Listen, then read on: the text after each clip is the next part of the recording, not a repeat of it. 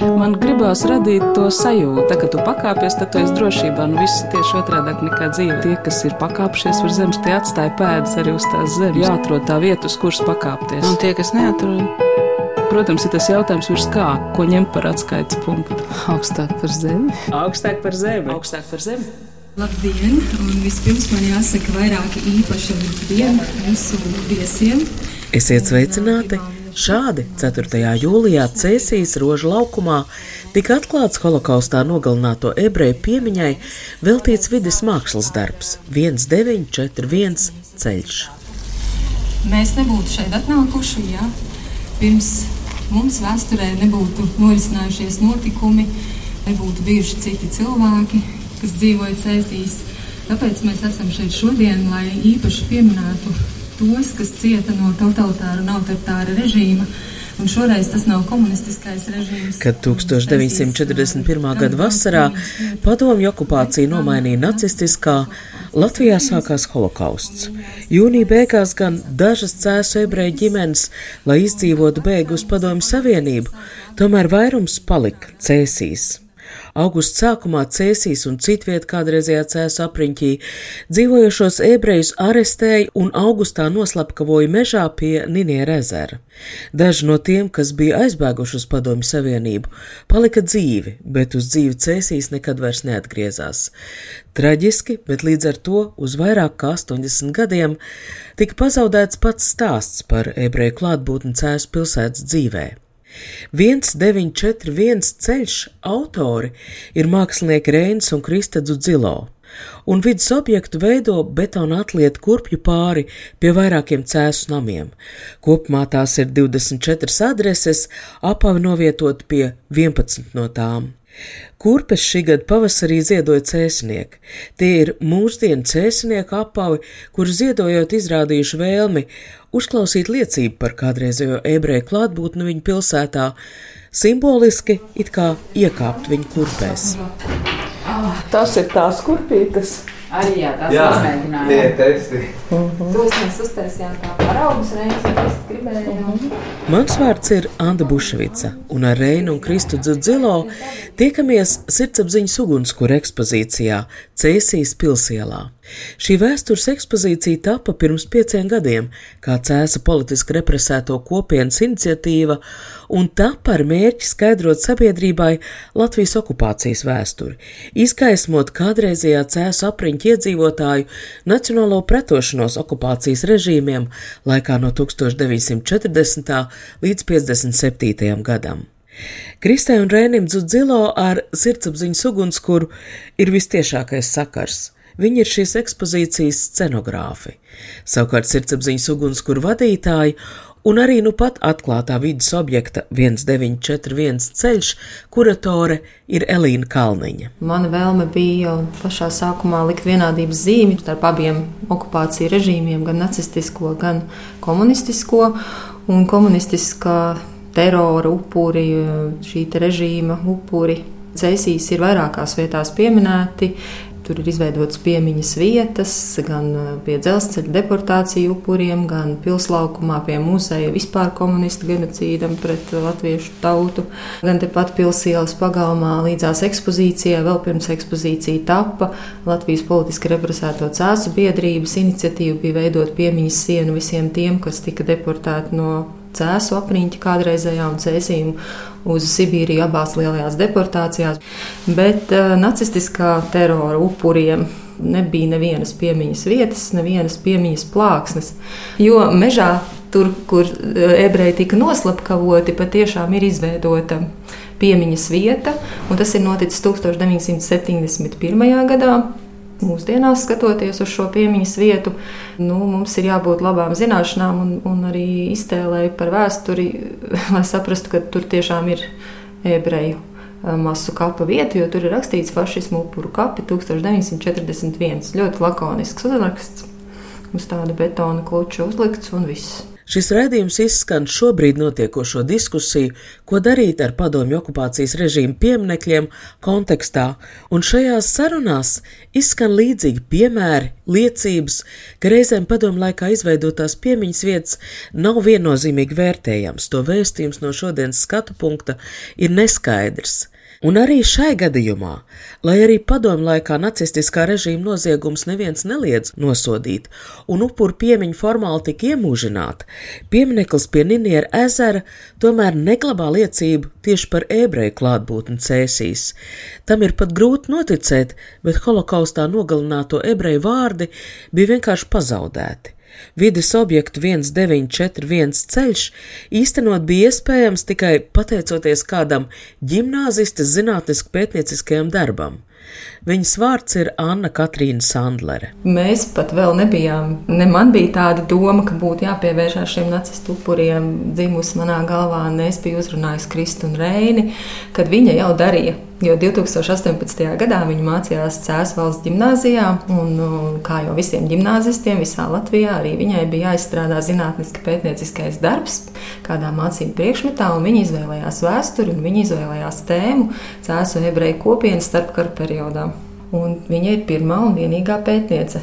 Šobrīd esmu tik, tikko pirms trim dienām nosvinēju bakalaura izlaidumu Latvijas Universitātes Tiesību zinātnes fakultātē. Šobrīd arī strādāju advokātu birojā, bet jā, vēsture noteikti ir kā aizraušanās.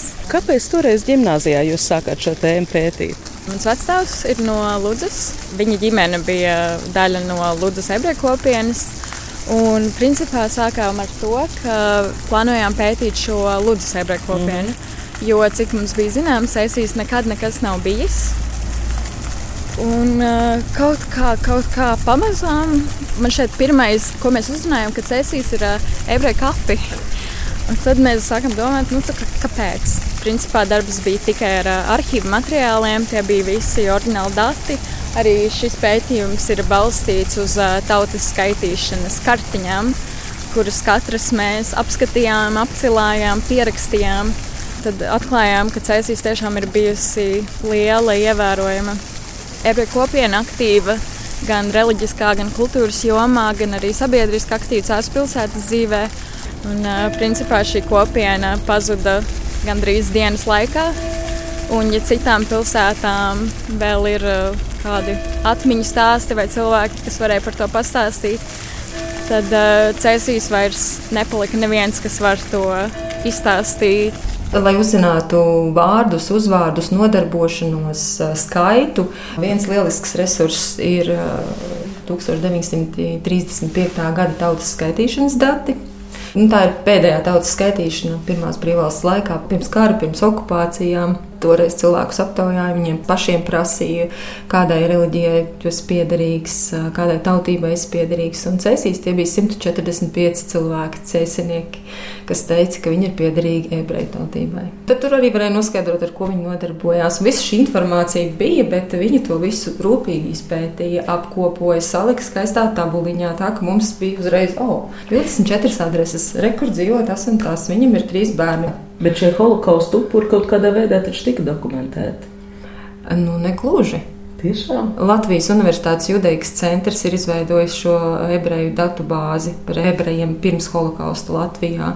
Tur arī ir viss, ko ir izdevies apzināt, kopš Latvijā sākās holokausta izpēte. Jo bija tā, Anna bija atlasījusi vīrieša vārdu, uzrakstījusi, ka tur dzīvo vīrs, sieva un, piemēram, bērniņi vai vīra māte un tur svainis, bet vārdi nebija minēti. Un tad es caur to datu bāzi izgāju un atradu šos vārdus, plus arī vēl noskaidroju, cik tad šiem cilvēkiem uz to 41 pirmo gadu, kāds bija viņu vecums, cik bija gadu. Lai mēs varam kurpītes, kuras mums saziedoja atbilstoši tam vecumam, tur arī salikt. Ja mums ir 35. gadā bērniņš bija tikko piedzimis, tad viņš jau bija paudzies. Vai, piemēram, ja tur bija 6-gadīgs bērns 35. gadā reģistrēts, tad, tad jau viņš bija pusaudzis. Tur tomēr ir atšķirība apavu izmēros.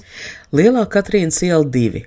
Haskels Albers, viņa sieva Matle Albera, zobārsts Jakobs Neimarks un sieva Jeta, dzimusi Stameškina, vecmāte Rahela Veinraka, Rīgas iela 46, pulksteņmeistars Mendels Krētsbergs, sieva Feiga dzimusi Kagane, dēli Mihails Azriels, meitas Šaja un Musja. Šī tad bija tā informācija, ar kuru strādāja mākslinieki Rēns un Kristadzu Dzilo.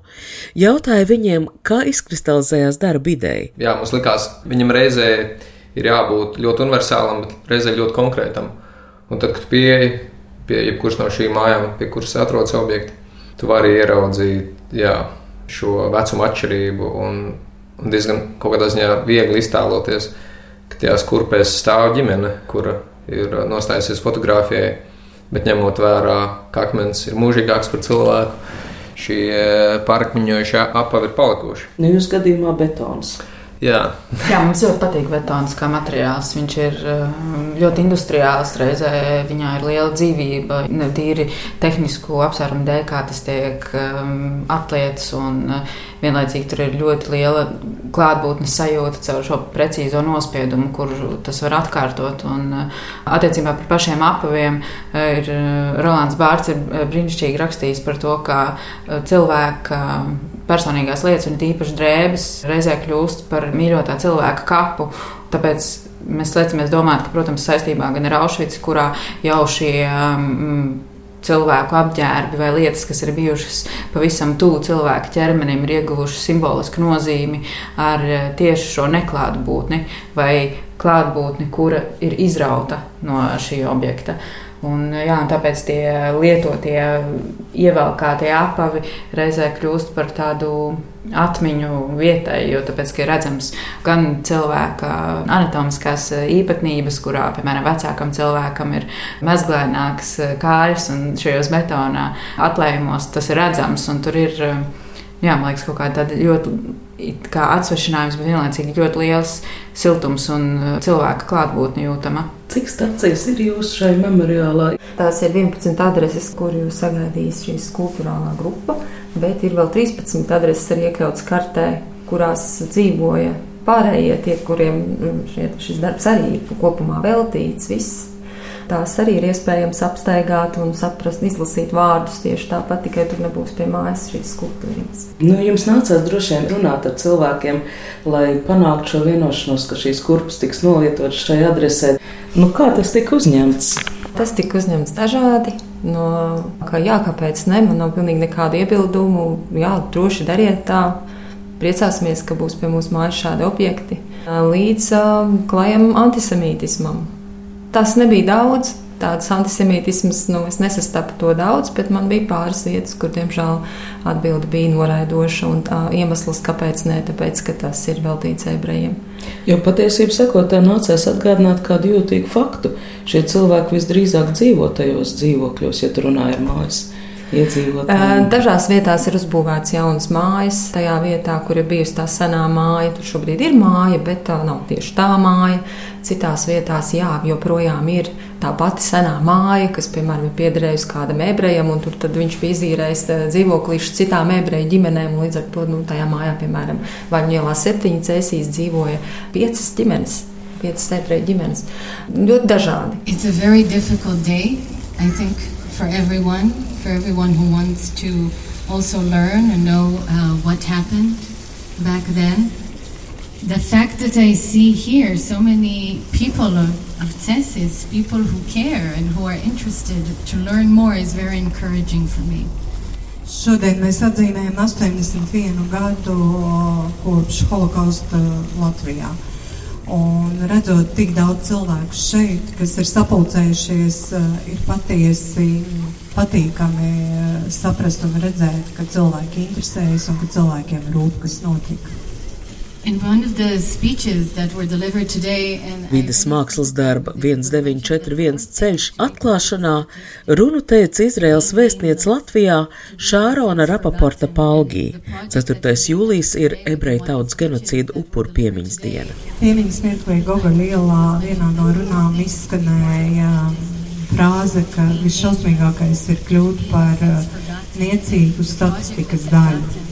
Un tiešām tas, ko ir izdarījusi Elīna un mūsu brīnišķīgie mākslinieki, tas patiešām novērš šo apstākļu. I I had the opportunity to go to the preliminary excursion and actually to take a very close look at these shoes. Pirms uh, šī projekta atklāšanas mums bija iespēja doties nelielā ekskursijā. Jāsaka, es ļoti cieši aplūkoju šīs turpītes un tiešām apbrīnoju, kā tās ir izveidotas. Un tiešām ir apbrīnojami tas, ka jūs, kā cēsu iedzīvotāji, cēsu kopiena, esat ziedojuši uz sapauus un tādējādi faktiski šiem aizgājušajiem cilvēkiem devuši otru dzīvi, devuši personību. Un tas ir pat vairāk, jo jūs ne tikai atcerieties, jūs piedalieties, jūs esat rīkojušies. Kas tad ir šo 111 apavu pāru ziedotāji cēsinieki?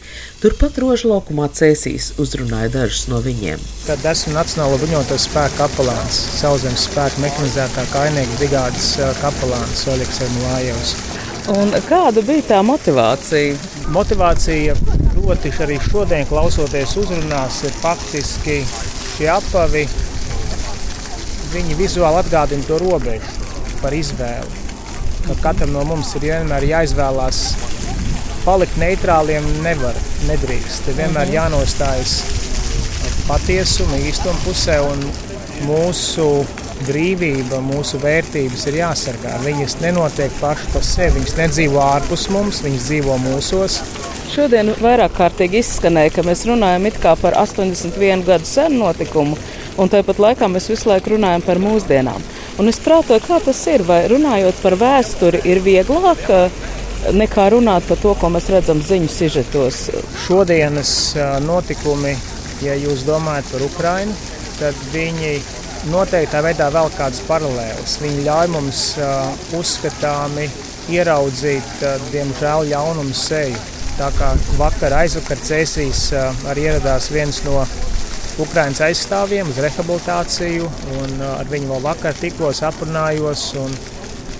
Arī līdzīgas domas pārunājām par šīm vērtību lietām, par to, ka, kad mēs domājam par valsti ar tās robežām, kad domājam par zemi, kurā mēs katrs dzīvojam, tad ir jādomā par to, ka tā viss ir vērtība. Un arī šobrīd gribētu teikt to mums, Latvijas iedzīvotājiem, latviešiem, visiem, kuri šeit dzīvojam, ka mūsu zeme ir vērtība, mūsu valsts ir vērtība. Un, tā nav citu atbildība, viņa veidot, tā ir mūsu atbildība. Un mūsu atbildība ir to sākt ar savas dzīves kvalitāti, ne ar citām ārpus mums esošām lietām, bet ar iekšēju vērtējumu un nu, lūk, liekam komatu. Sigita klētniece, cēsniece.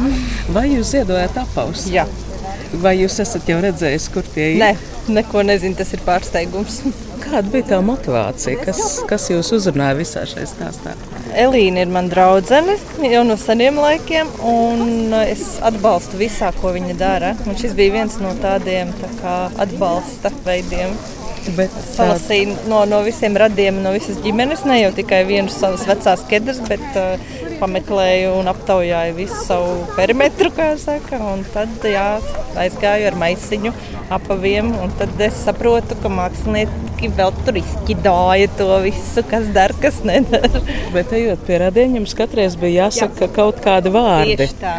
Es stāstīju, tik, cik es zināju, ko Elīna bija pateikusi, ka būs tāds projekts, ka mākslinieki taisīs tā kā, tā kā to, to performanci ar apaviem, jo es esmu gids, es vadu ekskursijas. Un uh, man ir Cēsis Inside, kas ir tāda kā lai pasaka, kur es rādu savas cēsis no citas skatu punkta. Un šis bija viens no, no tiem iemesliem, kāpēc es tik ļoti arī iesaistījos. Dēļ tā, ka būs vēl, vēl kaut kas jauns, kaut kas interesants un ar citu rakursu pastāstāms viesiem cēsu. Nu, tas interesantais šoreiz ir tādam.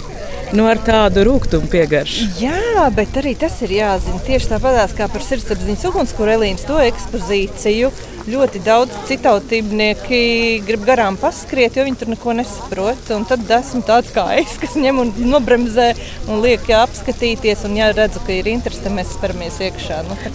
Vakar sarunu festivālā Lampa sirdsapziņas ugunskura skatuvē kā reiz bija šī saruna, kur iesaistījās arī turismu pārstāvji.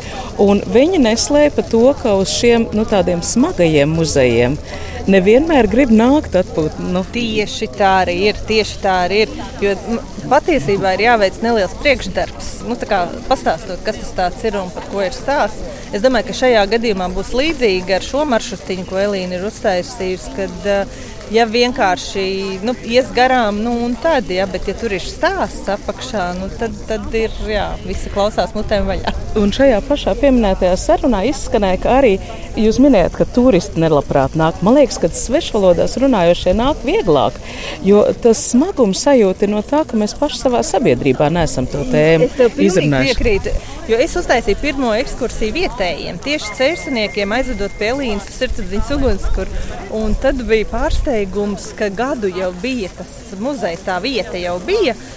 Un uh, neviens no vietējiem nebija bijis, bet bija nenormāli priecīgi. Un, un, un, un tiešām tas stāsts un dzirdot to visu bija ļoti, ļoti pozitīvi. Bet ir jābūt kādam, kas laikam nu, skaļi par to stāsta pasaulē. nu, lai jums izdodas būt tam cilvēkam. Paldies! Paldies. Man šķiet, ka tieši šī nevēlēšanās vai nespēja sarunāties par nesenās vēstures notikumiem arī ved pie pieminiektu gāšanas idejām. Atrisināt visu un uzreiz, pārdēvēt ielas, nojaukt pieminekļus, pat vēstures ekspozīcijai ir iespējams iet ar līkumu. Reņu un Kristus Dzudzilo vidus mākslas darbs, tā īstenotāja, tēlnieka Sanda Aišpura veidotie apavi, vispirmām kārtām runā par vispār cilvēcisko, un tikai tad apsūdz. Ja pilsētvidas objekts atšķirībā no ekspozīcijas ir daudz skaļāks un uh, daudz redzamāks, un kaut kādā ziņā daudzāku apmeklētāju satiekošāks, un uh, tev nekur nav jāiet, viņš pats atnāk pie tevis, ja uzdurās uz tevi Un tā ir arī vēl, vēl viena no lietām, kas šķiet būtiska un jēdzīga.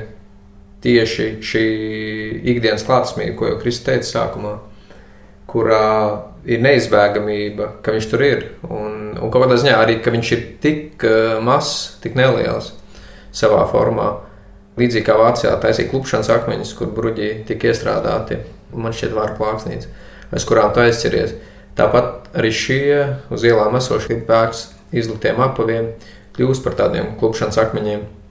Jā, tas arī bija viens no iemesliem, kāpēc viņi ir kaut kādā ziņā neuzkrītoši vai hameleoniski saplūst ar um, asfaltu, jo viņi ir taisīti ar mērķi, lai viņi runātu it kā skaļi, bet vienlaicīgi, lai viņi čukstētu, lai tev būtu nepieciešamība pie viņiem pieiet tuvāk un uh, lūkoties un uh, mēģināt saprast, kas tas ir vai kur tevi tas aizved.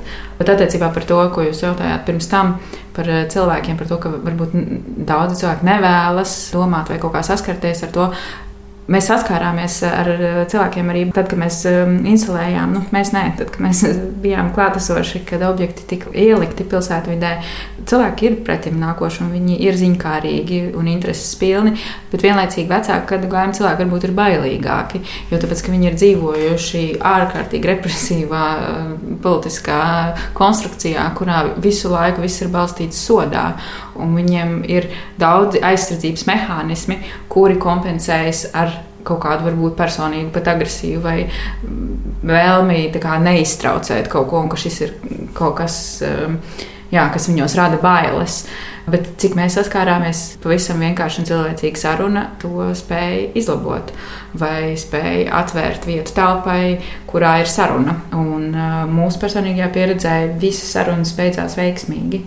Izveidojot ar vairākām balvām novērtēto vēstures ekspozīcijas sirdsapziņas ugunskurs vizuālo ietērpu, radot vidas mākslas objektu 1941 ceļš, un man gribētu šai uzskaitījumā iekļaut arī Rēņu un Kristus Dzudzilo radīto objektu, kas bija skatāms pagājušā gada Cēsu mākslas festivālu laikmatīgās mākslas izstādē un kas bija veltījums Cēsu neredzīgo kopienai, Dzudzilo rada scenogrāfiju vēstures notikumiem. Es jautāju māksliniekiem, vai ir kāds ar prātu noformulējams iemesls, kāpēc viņus tik ļoti aizrauja vēsture.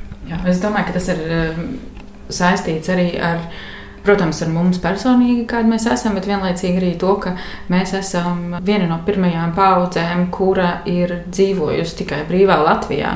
Vienlaicīgi es zinu, ka manī personīgi ir ļoti liela tiecība pēc saknēm, un ka man ir sajūta, ka kāda daļa, nu, vai varbūt pat visa daļa no saknēm ir tikušas nogrieztas. Un, tāpēc kaut kā šī intuitīvā tiekšanās pēc patiesības vai pēc atklājuma ir liekas, ne tikai kā nepieciešamība, bet arī kā pienākums, jo mums ir šī iespēja par to runāt. Un gluži tāpat, kas ir varbūt mazāk radikāli, kā piemēram Cēlsmāks festivāla darbs, kas ir par neredzīgo kopienu, tas arī iezīmē vietu, kurā šī izstāde notiek. Rens ir no cēsīm, par vietu, no kurienes tu esi nācis un kā šī vieta, kur tu esi uzaudzis vai kuru tev ir veidojusi, tev ietekmē. Jā, nu, es domāju, ka tā ir kaut kāda arī sociāla pienākuma sajūta, kas nav nospiedoša. Viņa ir drīzāk tāda nepieciešamība atrisināties vai um, saprast sevi un reizē kaut kādā mērā preventīvi novērst iespējamību kļūdīties tik vājprātīgi, kā cilvēki kļūdījās Otrā pasaules kara laikā.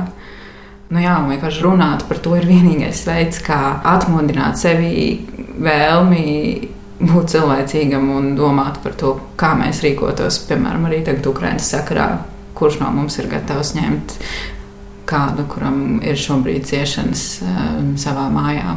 Un tas būtu bijis vairāk nekā skaisti, ja pilnīgi visi cilvēki būtu uzņēmuši visus ebrejus Respektīvi, runāt par vēsturi ir vieglāk nekā runāt par šobrīd aktuāliem jautājumiem, kas ļoti emo, nu, emo, ziņas, jā, ir emocionāli ļoti pielādētas. Sižets ir ļoti līdzīgs, bet noticis pirms pietiekami ilga laika. Es tikai man liekas, nevis, ka tas ir sarežģītāk, bet vienkārši tas, ka, ka tieši tas vēsturiskais konteksts mēs redzam, kādas sekas tam bija. Cik fatāli un letāli tas beidzās tik daudziem cilvēkiem, pilnīgi nevajadzīgi absolūti netaisnīgi. Un šobrīd, tad, kad tu piedzīvo kaut ko reālā laikā, tev varbūt ir daudz iemeslu vai daudz uh, veidu, kā sev iestāstīt vai attaisnot savas rīcības, paskaidrojot vai attaisnojot sevi ar dažādiem pienākumiem vai darbībām. Bet tad, ja tu skaties uz vēsturi, ir tik viegli pateikt, ah, redz, kur viņi kļūdījās. Šajā punktā viņiem taču bija skaidrs, ka viņiem ir jābrauc prom. Tikai pētot šādu vēstures kontekstu, tu vari nojaust, kurā mirklī radikālā situācija, kurā kaut kas mainās, ir tagad. Sveiki! Mēs esam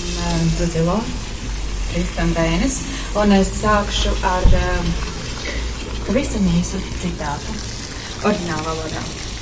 Um, When I die, give what's left of me away to children and to old men that wait to die. And if you need to cry, cry for your brother walking the street beside you. And when you need me, put your arms around anyone and give them what you need to give me. Tas ir Merits Malojas dzējoļa epitāfija citāts, ko izmanto kā izvēles lasījumu Klimts Kadiša, kas ir lūkšana par mirušajiem. Un um, šis darbs, kuru mēs um, Grunzmītas gods uh, veidot, ir arī lūkšana. Un pirmām kārtām tā ir um, piedošanas lūkšana par to, ka tas tā notika piedošanas lūgšana par to, ka tas netika apturēts, un um, redzēja kā lūgšana par un ar viņiem.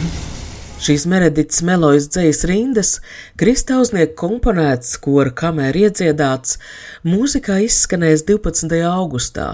Šai dienā Cēsīs notiks audiovizuāla performance Klusums krīt. Arī šīs performances mākslinieki Reinis un Kristuds Dzilo, un faktiski cēsu kārtē ar adresēm betona atlietie apavi ir tikai kā sagatavošanās gaidāmajam rituālam līdzīgajam uzvedumam. Mākslinieks stāsta par balsi, kas austiņās vedīs skatītāju no rožu laukuma līdz Ninieru ezeram, holokaustā nogalināto ebreju masu kapa vietai, balsi, kas caur atminēšanos atkal ir atdota, bet tā ir balss bez ķermeņa. Katrā izrādē būs 200 skatītāji. Tas atbilst tam, ko jautāja sākumā par noslapkavoto ebreju skaitu. Tiešām pēc otrā pasaules kara, kad padomju okupācijas vara bija atgriezusies Cēsīs Cēsu avīzītē, kas bija Latvijas komunistiskās partijas Cēlus komitejas laikrakstīns.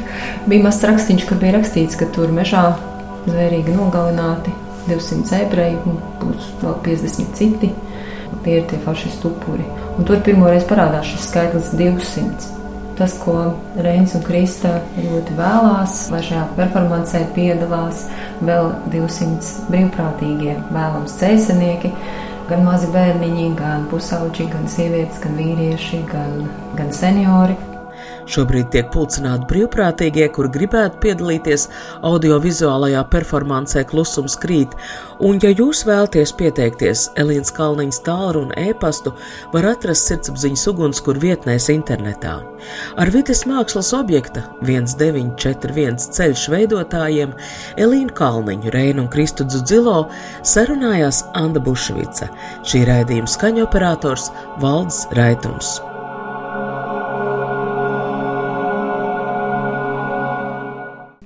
Tā kā tu pakāpies, tad tu esi drošībā. Nu, viss ir tieši otrādi nekā dzīve. Tas ir tā spēle, jā. Tie, kas ir pakāpšies virs zemes, tie atstāja pēdas arī uz tās zemes. Protams, ir tas jautājums, ko ņemt par atskaites punktu. Nē, nu, principā ir skaidrs, augstāk par zemi. Jāatrod tā vieta, uz kuras pakāpties. Augstāk par zemi. Augstāk par zemi. Augstāk par zemi.